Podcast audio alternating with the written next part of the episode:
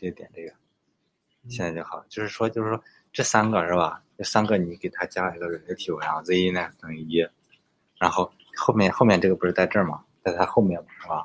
然后这两个同级是都是一，然后但是这个是它的子级嘛，是吧？嗯然后就是你这个再设置再高也不管用，因为它嗯不再高会对它吧？它负极的 Z 那对会它会给限制给的那什么限制住。对，啊所以我就在这个这个地方改成了二就好了。对你对之前，但我其实我不太清楚之前也的是，就是因为这个流布局是吧？Z 硬和 E 是用不到的，其实，因为我当时我我也没细看，但我知道是这帮人是解了，但是我是当时没研究过。应该是那时候他在这边儿时候会有一次那是我估计是你以前在哪个地方，因为我看你还用移过来了，移移过来之后他就不用了。那估计就是移过来以后它出现那种感觉。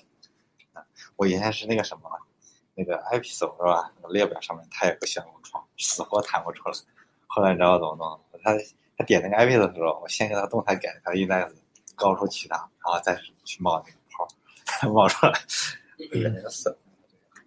其实以前没这么，